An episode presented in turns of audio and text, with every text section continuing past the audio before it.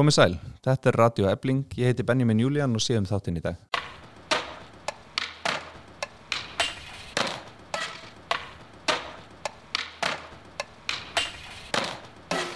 Í dag við að ræða nýjútkomna skýrslu Stefáns Ólafssonar og Stefáns Andra Stefánssonar um kjör lífyrstega á Íslandi.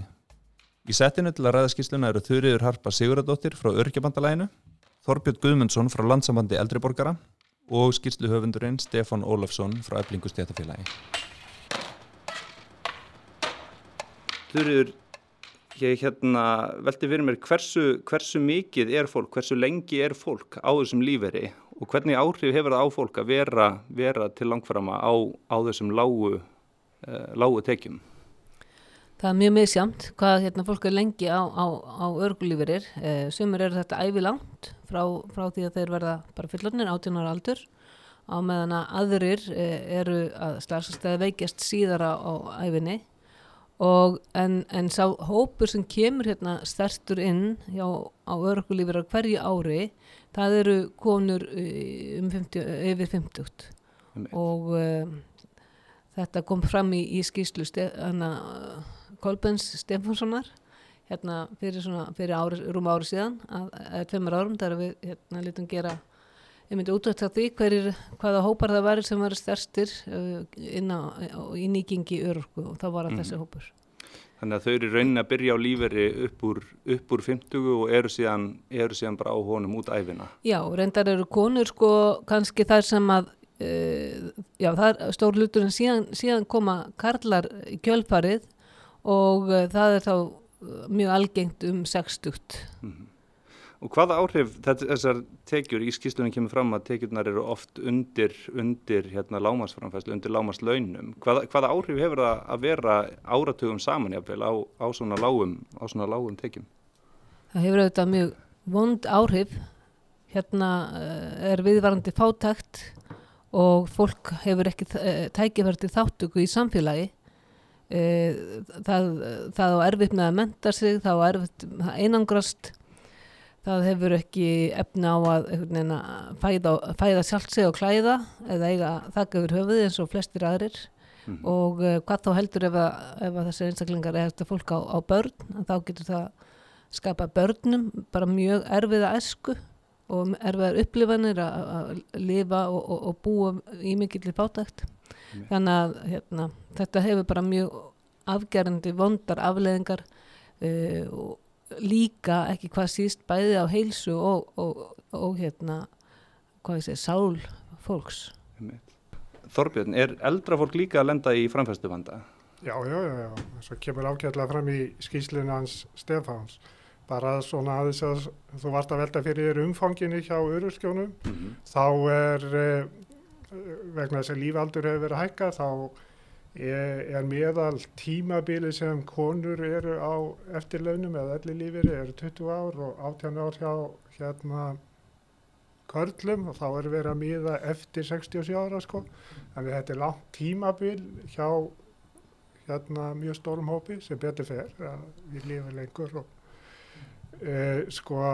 ég var nú í morgun að hlusta á uh, Bendit Jóhannesson, hann er að gera mjög stóra rannsók fyrir byrtilífyrirsjóð og uh, langstæðst í hluti þeirra sem eru í byrtu eru millitekki fólk og uh, hann segir sko að að launa eða eftirlauna eftirlaunu sem þessi hópar er að fá sé á bylinu 350 til 420.000 og þá er hann að tala um þetta samanlagt lífyrirsjóður og, eh, og hérna eh, og almantryggingar og þá getur við rétt ímyndu okkur þann fjölda sem er með miklu lakari réttindi heldur þessi hópur. Mm. og uh, það er upplýsingar sem við höfum fengið og Stefán staðfesti í sínu konnun að, að uh, miðtalan er um 400.000 sem þýðir að allir þeir sem er á lífið hjá almantryggingum eru með lægra en þessi tala og hún er bara, það er engið sjálf þessi botni henni. Þannig að eins og kemur mér skýrst fram að þetta samspil sem þú veit að tala hér um, það leiði til þess að langstæðst í hluti eftirleinu fólks bara fellur undir þetta að vera láleina fólk. Akkurat. Hérna, hefur, hefur einhver áhrif á, á þetta vendarlega hvort að maður setja að koma með húsnæði eða hvort maður hafi eitthvað svona stuðningsnett í kringum sig fyrir fólki sem er að lenda einmitt í svona legsta þriðjónginum Það skiptir bara öllu máli varðandi afkomi þessa hófs, það eru húsnæðismálinn mm. og, uh, og það er eitthvað 10%, liklega innan við 10% eftirlaunafólks sem á ekki eigi húsnæði og skuldirnar eru ekki miklar hjá þeim sem er í eigin húsnæði. En það við vorum að skoða það í mitt og það er nú ein mynd af þessu sko. Lífeyri, almennu lífeyrin er 266.000 eftir ef þú ert í sambúð eða giftur. En uh, síðan eru við með húsnæðsbætur og þessi lái lífeyri, hann skerðir húsnæðsbæturna þetta vegna þess að það eru líka tekjutengingar í húsnæðsstuðninu Þetta er algjörlega óskiljanlega kerfi. Fátæktasta fólki sem er með svona lága tekjur, það fær ekki fullnastuðning í, í, því kerfi heldur. Mm. Stefán, getur þú kannski að gefa okkur einhverja mynda því hversu viðtækar skerðingarnar eru sem að fólk á lífari verður fyrir? Uh, já, já, það er sko bara, ef e, e, e, við horfum á það almennt fyrst sko að, að, að hérna Að, að það er lögmikið áherslu á það í skýslunni að sína þetta samspil sem er á milli e, lífeyrissjóðana og almannatrygginga. Og í raun og veru er það þannig að, að þetta eru tvær mikilvægustu stóðirnar í lífeyriskerfin og það er eiga báðar að skila sínu. En vegna þess að ríkið gengur svo langt í að beita skerðingunum að þá er það í raun og veru þannig að að, um, að því að við erum með e, lífeyri sjóðakerfi þó að það hafi gengið mjög vel og sé orðið mjög stórt að þá er sérstaklega hvað snertir fólk sem að hefur starfað sinn feril lengst af á almennu markaði að það er ekki með eins mikla uppsöfnun eins og til dæmis á réttindum eins og ofinberðir starfsmenn, það lífur í slofórið er bara 56% af meðalæfitekjum og svo ná sumir því ekki vegna þess að, að þeir hafa brotinn starfsferil af ýmsum ástæðum, veikindum, barnegnarleifi og hvaðina og, og nám og, og hérna en e, sko þegar þetta er svona þá þarf að koma dugleg viðbót ofan á það sem fólk hefur úr lífeyrissjóðum frá almannatreggingum en það er þar sem að, sem að uh, lekkurinn í raun og veru ropnar mm -hmm. og, og þetta er í raun og veru þannig að í almannatreggingum er byrjað að skerða uh, fólk þegar það er enn faktist undir lámastekjum sko ef, ef, ef fólk algengast er með lífeyristega að, að þessi tveir tekjupósta skipta mestu máli, það sem kemur annars öður úr lífeyrisjóðum, hins vegar það sem kemur frá almannatryggingum. Og það er byrjað að skerða þig bara, eh, þú komið 20 og 5.000 krónur eh, upp fyrir 25.000 krónur úr lífeyrinsjóði en þá ertu ekki komið nálægt í að vera komið með ráðstöfun að tekju sem duga fyrir framfæslu. Sko, skerðingakerfi eiga að vera þannig, ef menn er að nota þau annar borð, að þau eiga að skerða út hátekjuhópa sem þurfi ekki á á framlægi úr almannatryggingu að halda hér er byrjað að skerða út fólk með að það er ennundi lámaslaunum og lámastekjum og þannig þetta er náttúrulega óhóflegt uh, skerðingar fyrirkomulag. Voru skerðingar alltaf svona grimmar hérna á Íslandi? Já, til lengdar frá, frá alveg frá 1971 að þá hefur hlutur skerðingarna sífælt verið að aukast alveg meir og minna inn í samtíman Eh, það var kannski komið skref örlítið til skemmri tíma aftur og bakk en síðan aftur horfið í sama formi. Þannig að skerðingar í dag eru miklu meiri heldur en það voru fyrir, fyrir 20 árum, fyrir 30-40 eh, árum. Hérna þurfur ég Menna, þetta er náttúrulega svolítið skrítu og einlega erfitt að ímynda sér hvernig það er forsvaranlegt að, að svona stór hópur af, af fólki sé annars vegar að þau séu undir, undir framfærslu en líka að það sé verið að taka af þeim peninga uh, þegar, að, þegar svo er úr, úr þessum, úr almannatrygginga framfærslunni. Hafið þið eitthvað heyrt í stjórnmálafólki uh, og, og hvernig gengur að íta, þeim að, íta við þeim að, að draga úr þessu skerðingum? Já, já, við höfum verið í, í talsast miklu sambandi við stjórn völd og uh, búin að, við erum búin að vinna gríðarlega mikla vinnu í að, að reyna að fá þau til að draga úr skerðingum verulega. Uh, þarna vorum við að tala um svo kallega krónum og krónuskerðingu sem er framfæslu uppbótun skerðist. Að, að þess að ég ætla að fara út í það útskýringanánar, þetta er aldrei flókið en hérna uh, það sem við bárum um bítum, bítum þar það var 35 öðra afsláttur á krónunni. Og þetta er raun og veru, auðvitað skiptir þetta máli þegar fólk er með uh, örgulífur er í heildartekjur upp á uh, 257 krónur eins og er í dag. Um, þá skiptir hana hver svona breyting sem verður það sem er dreigið úr skerðingu að skipti máli. En þetta kemur líka allstaðar inn annar staðar, þetta getur haft áhrif ef, ef að, að tekur hækka um einhverja þúsungalla þá, þá hefur þetta áhrif eins og, eins og hérna, hér hefur komið fram uh, á til dæmi sérstaklega húsnæðsstöðningin þannig að við höfum þurft einmitt að elda upp í allar svona ránkalla til þess ef að, ef að stjórnur þetta bæta eitthvað úr að þau gerir sig grein fyrir því að þau þurfa að byrja á því að sjá til þess að uh, hækkun hjá örgulífirstegun uh, eða tökum uh, verði ekki til þess að, að, að draga úr húsnæðstunningi til dæmis. Og talandi bara um lífeyriskerfið að hérna, við erum með útreikning dæmi og mörg dæmi þessar fólk sem er á þessar lágu framfæslu að, og ákanski einhvern 30 skall eða 50 skall inn í, inn í hjá hérna lífyrir, lífyrir sjóði það er nú oft konur sem er ymmit með svona lága framfæslu úr, úr lífyrir sjóði að, að sko, þetta það er, lífyrir, það er ríkið sem fær þessa peninga nánast beint í vasan í formin skattáskerðinga, það situr ekkert, nánast ekkert eftir hjá einstaklinginum, þannig að þó hann hafi eigi þarna einhvern 50 skall aukalega, ofan á annan 257 krónur sem það er í dag, að þá er það ríki sem tekur þann pening. Að mestu lagi, mestu leiti.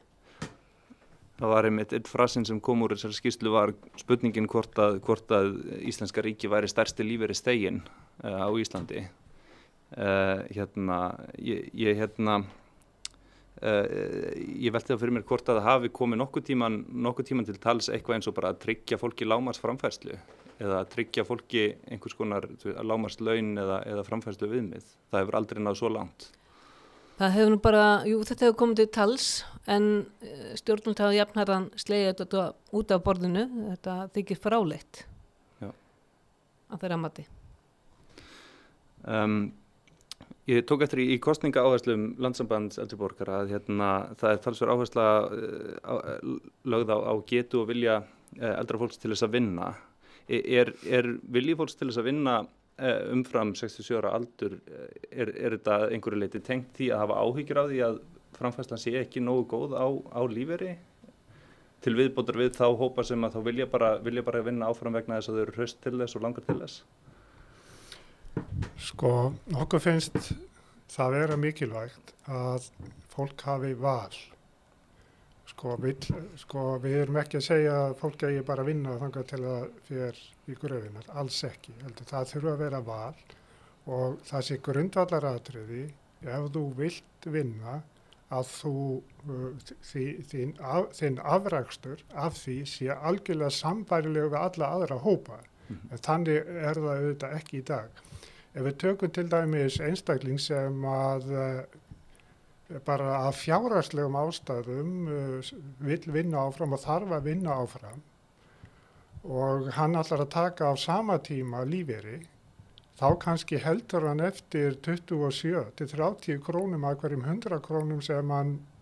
ávinnur sér. Það býr engin annar þjóðsæðarstegn við svona skilirði og við segjum bara þess sem eru konir á eftirleginu eða bara búa við nákvæmlega sömu skilir og allir aðri hvað þetta varðar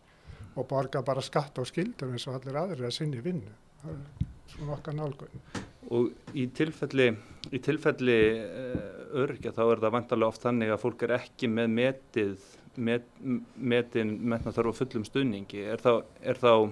gert ráð fyrir því að þau vinnir hlutastarf eða einhver, að einhverju leiti með og hvað, hvað áhrif hefur það hafa tekjurnar af því á Já, sko, uh, það er nú þannig að ert meitað með 50% uh, örorku að þá er það, sérst, þá færðu 36.000 krónur uh, í, þú veist, mánalega frá almanntryggingum. Þú þarfst að bjarga þér að öðru leiti og um, en þeir sem eru með 75% örorku sem er náttúrulega meiri hlutinn að þeir, uh, þeir hafa sko þó að fólk geti unnið og margir hafa vilja til að vinna kannski bara einhver hlutastörf uh, 20, 30, 40, 50% þá eru skerðingarna svo gríðarlega miklar og, og þetta er svo mikið orkar sem fyrir að koma sér í og úr vinnu og, og, og þú þarf líka að, að hérna, hafa efnaði að ferðast á meðli staða og klæða þig til þess að vera í vinnu að, hérna, að það bara reynilega borgar sig ekki eins og staðin er í dag. Hérna hefur uh, stjórnaldum tekist að reysa svo háar gyrðingar meðli atvinnmarkarins og örgu lífveristaka að þeim er ómögulegt að taka þátt í atvinnulífinu nema að séu nána ne, bara eiginlega komnir í fulla vinnu og, og hérna og þá er það náttúrulega vendarlega ekkert að taka örgu lífeyrir frá almannatryggingum. Hérna, það eru fáir. Ég tók eftir því eh, fyrir nokkrum dögum að umbóðsmaður alþingis er að, er að skoða tryggingastofnun uh, og er að aðtúa hvernig ágreifslega er á umsóknum um uh, örgulíferi, uh, hvernig það er fara, það er vist verið að herða skilirði sérstaklega á ungt fólk og ekki endilega verið að fylgja læknisráði. Ég veldi fyrir mér hvernig viðmótið svona hjá þessari stopnun er vegna þess að eins og þið segir bæði í ykkar kostninga, kostninga áherslum þá er þetta frekar flókið og erfitt kerfi og hérna, hvernig, hvernig er viðmót stopnunarinnar sem heldur um það? Á ég að byrja. Endilega. Já, uh, gagvart uh, öryrkjum að þá og fölluðu fólki að, þá hefur við fengið mjög mikið til okkar uh, varðandi bara fólk er líður illa, það fær ekki goða móttökur og, og það er svona það verður stegnin vera eiga er, erfið, erfið samskipti og fá litlar upplýsingar. Líka bara fólk sem er erlendibergi brotið að það á erfið með að lesa sig gegnum hérna, þessar upplýsingar sem kom fram, koma fram frá TR En varðandi hérna, þessa breyttu uh, framkvæmt á, á örgumati eða, mat, eða, eða mati til endurhangalíferis að þá er það eitthvað sem við erum búin að vera að sjá í fyrsta skipti, bara núna undanferðin eh, eitt og halvt ár, að við erum að fá til okkar einstaklingar sem að verða átján ára og hafa verið með fyrsta, annars og þriðastags umönnunum að jæfnvel sem þýðir bara það að þeir eru með margþættar skerðingar eða já, kannski gegreiningu, þróskahömlun og, og, og, og hérna einhverfu. Og þeir eru jafnvel metnir sko uh, bara núl, þeir fá ekki örgu og þeir eru ekki met, metnir til endurhengalíferis. Við höfum gaggrind þetta, við erum að sjá þetta, við höfum sendt bref bæði á, á hérna, tryggingarstofnun og ráðniti, ég hefur rætt þetta á þeirra, menn segja bara að hefur, lögum hefur ekki verið breytt en framkvæmdinn er alveg öruglega breytt mm -hmm. og annars varum við ekki að sjá þessu einstaklinga að koma til okkur í dag og, og þarna, þetta verður náttúrulega einfallega til þess að þegar við sjáum fólk lenda í því að fá enga veginn, já, meðhöndlun uh, fær korki uh, endurhenga lífirir, kannski búið en á sínum 36 mánuðum og hérna fær heldur ekki örgu að þá lenda þessir einstaklingar algjörlega tekjuleysur utan kervis og það er bara eiginlega alveg næsta víst og að e, mjög margir munum leita til sveitarfélaga um að fá hérna, fjárhagsstuðning þar mm -hmm. og hann á að vera til skemmri tíma en ekki lengri og þetta, þannig að þetta, við erum bara að horfa upp með alveglega stöðu ef þetta heldur svona áfram. Hvernig, hvernig er einslega eldriborgara af samskiptum við, við tryggingarstofnun? Já, þetta eru auðvitað tölvöld einfaldar heldur við hjá öryskjónum sko uh, og uh, það sem að maður hefur aldrei tilfinningunni varðandi tryggingastofnun er að sko ég heyrði heyr umfjöldin hvernig þetta væri að nálgast til dæmis í Nóri hjá Íslendingu sem voru að fara til Nóris og þurftu á þessu kerfi að halda að þá var nálgunni alltaf að reyna að tryggja þeir hámasréttin mm. alltaf þó að væri kannski flókið. Hér viðist er að búa að berja svo á tryggingastofnun að hér sé alltaf verið að svíkja eitthvað út úr kerfinu En að nálgunni verður oft hann eins og sé bara verið að takmarka sko möguleikan eins og hægt er. Nú ætlum ekki að fullir það að þetta sé, þetta er það sem fólk upplifir. Ég ætla að benda okkur á að það var ríkisendurskóðan gerðið úttækt á tryggingastofnun, það sé ekki að verða haldt á sig en að hún kom. Og þar var, var, var verið að gera mjög alvarlega ratúarsendi við það að laugin væru óljós og óskýr og það veri allt og mikið um það að einstakir starfsmenn væru að uh, úrskurða uh, án þess að það byggði á lögunum sjálfur og það væri orðið mjög brínt að stokka lögin upp og einfalda þau og gera þau skýrari þannig að það fækkaði þessum einstaklingsúrskurðum þarna á stofnunni mm. og það er eitt af þess að við leggjum til að, að almenna trygginga lögin þau verið stokkuð upp það verði sérlög fyrir öryrkja og sérlög fyrir öryrkja, hérna, eftirlögnafólks. Það er ekki það að við eigum ekki samlið til þess að reyna að einfalda lögin og gera þau skýrari. Stefan, hva, hvaða tillögur leggir þið, leggir þið fram í skýrstinu um, um að bæta, bæta úr þessum vandamálum? Já, megin tillögurna ganga náttúrulega út, út á það að bæta kjör sem flestra lífeyriðstega en þó mest hjá þeim sem minna hafa. Og, og þetta verður ekkit gert öðruvísi en með því að auka hlut almanatrygginga í lífeyriðskreislum staðan eins og hún er í dag á Íslandi að að við er, Íslenska ríkið er með einhverja aðléttustu byrði vegna lífeyriðskreisla sem að þekkist innan OECD-ríkjana og, og, og ég tala um göm og miklu lægri heldur en er í þeim ríkjum sem við helst berum okkur sama við. Þannig að við erum með beinar tillugur sem byggja á þeirri, þeim greiningum og þeim upplýsingum sem koma fram í skýslunni og það er í fyrsta lagi að, að hækka grunninn á almannatryggingum, það er óskerta líferinn, hann er eins og hann er í dag, er hann undir lámaslaunum á vinnumarkaði sem að, sem að er óeðlilegt viðmið að mínum að hvort þið er Um, og, og uh, við leggjum til að, að sá grunnur sem er til dæmis fyrir elli lífeyrisega uh, einhleipan að, að hérna hann er hækkaður úr 333.000 upp í 375 uh, fyrir þá sem er í sambúð þá er þann hækkaður jafnvel hlutvarslega meira þannig að hann verða aldrei hann er, það er dag 20% munur við erum að leggja til að það verða aldrei meir en 10% munur, uh, sumir vilja hafa þetta bara jaft Eh, en, en hérna þetta eru konkrétt til hvað þetta snertir. Hinn megin tillagan sem við erum með er svo að, að eh, stór hækka frítekjumarki í gagvat lífeyrissjóðstekjum til að tryggja að uh, lífeyrissjóða spartnaðurinn skilir sér í raun og veru í alvöru kjarabótum til lífeyrisstegana að þá verður það hækka úr 25.000 krónum upp í 100.000 krónur sem að þýðir að, að mun fleiri munu fá veglegra framlag frá almannatrekkingum á móti til tulla lágum tekjum úr lífeyri sjóðum og, og í stað þess að greiðslur frá almannatrekkingum myndu fjara, fjara út við 600.000 krónum uh, úr lífeyri sjóði eins og er í dag þá myndu þær fjara út í kringum 800.000 og allur þorri lífeyri segja myndi fá, fá tekju hækkun eða hækkun á lífeyri á bylinu 75 til 90 7000 krónur. Þetta myndi kosta ríkið cirka 30 miljardar á ári, síðan fær ríkið kannski í kringum fjórðung til þriðjung á þessu tilbaka í, í neysluskottum og tekjuskottum. Þannig að netto kostnaður ríkisins væri einhverstaðar á millir 20-25 miljardar sem er bara alls ekki að há upphæð fyrir, fyrir þjóði eins og okkur sem er þar að þau ekki með einhverja lægstu uh, ríkisbyrði af lífeyriskeislum. En við leggjum líka til að, að um,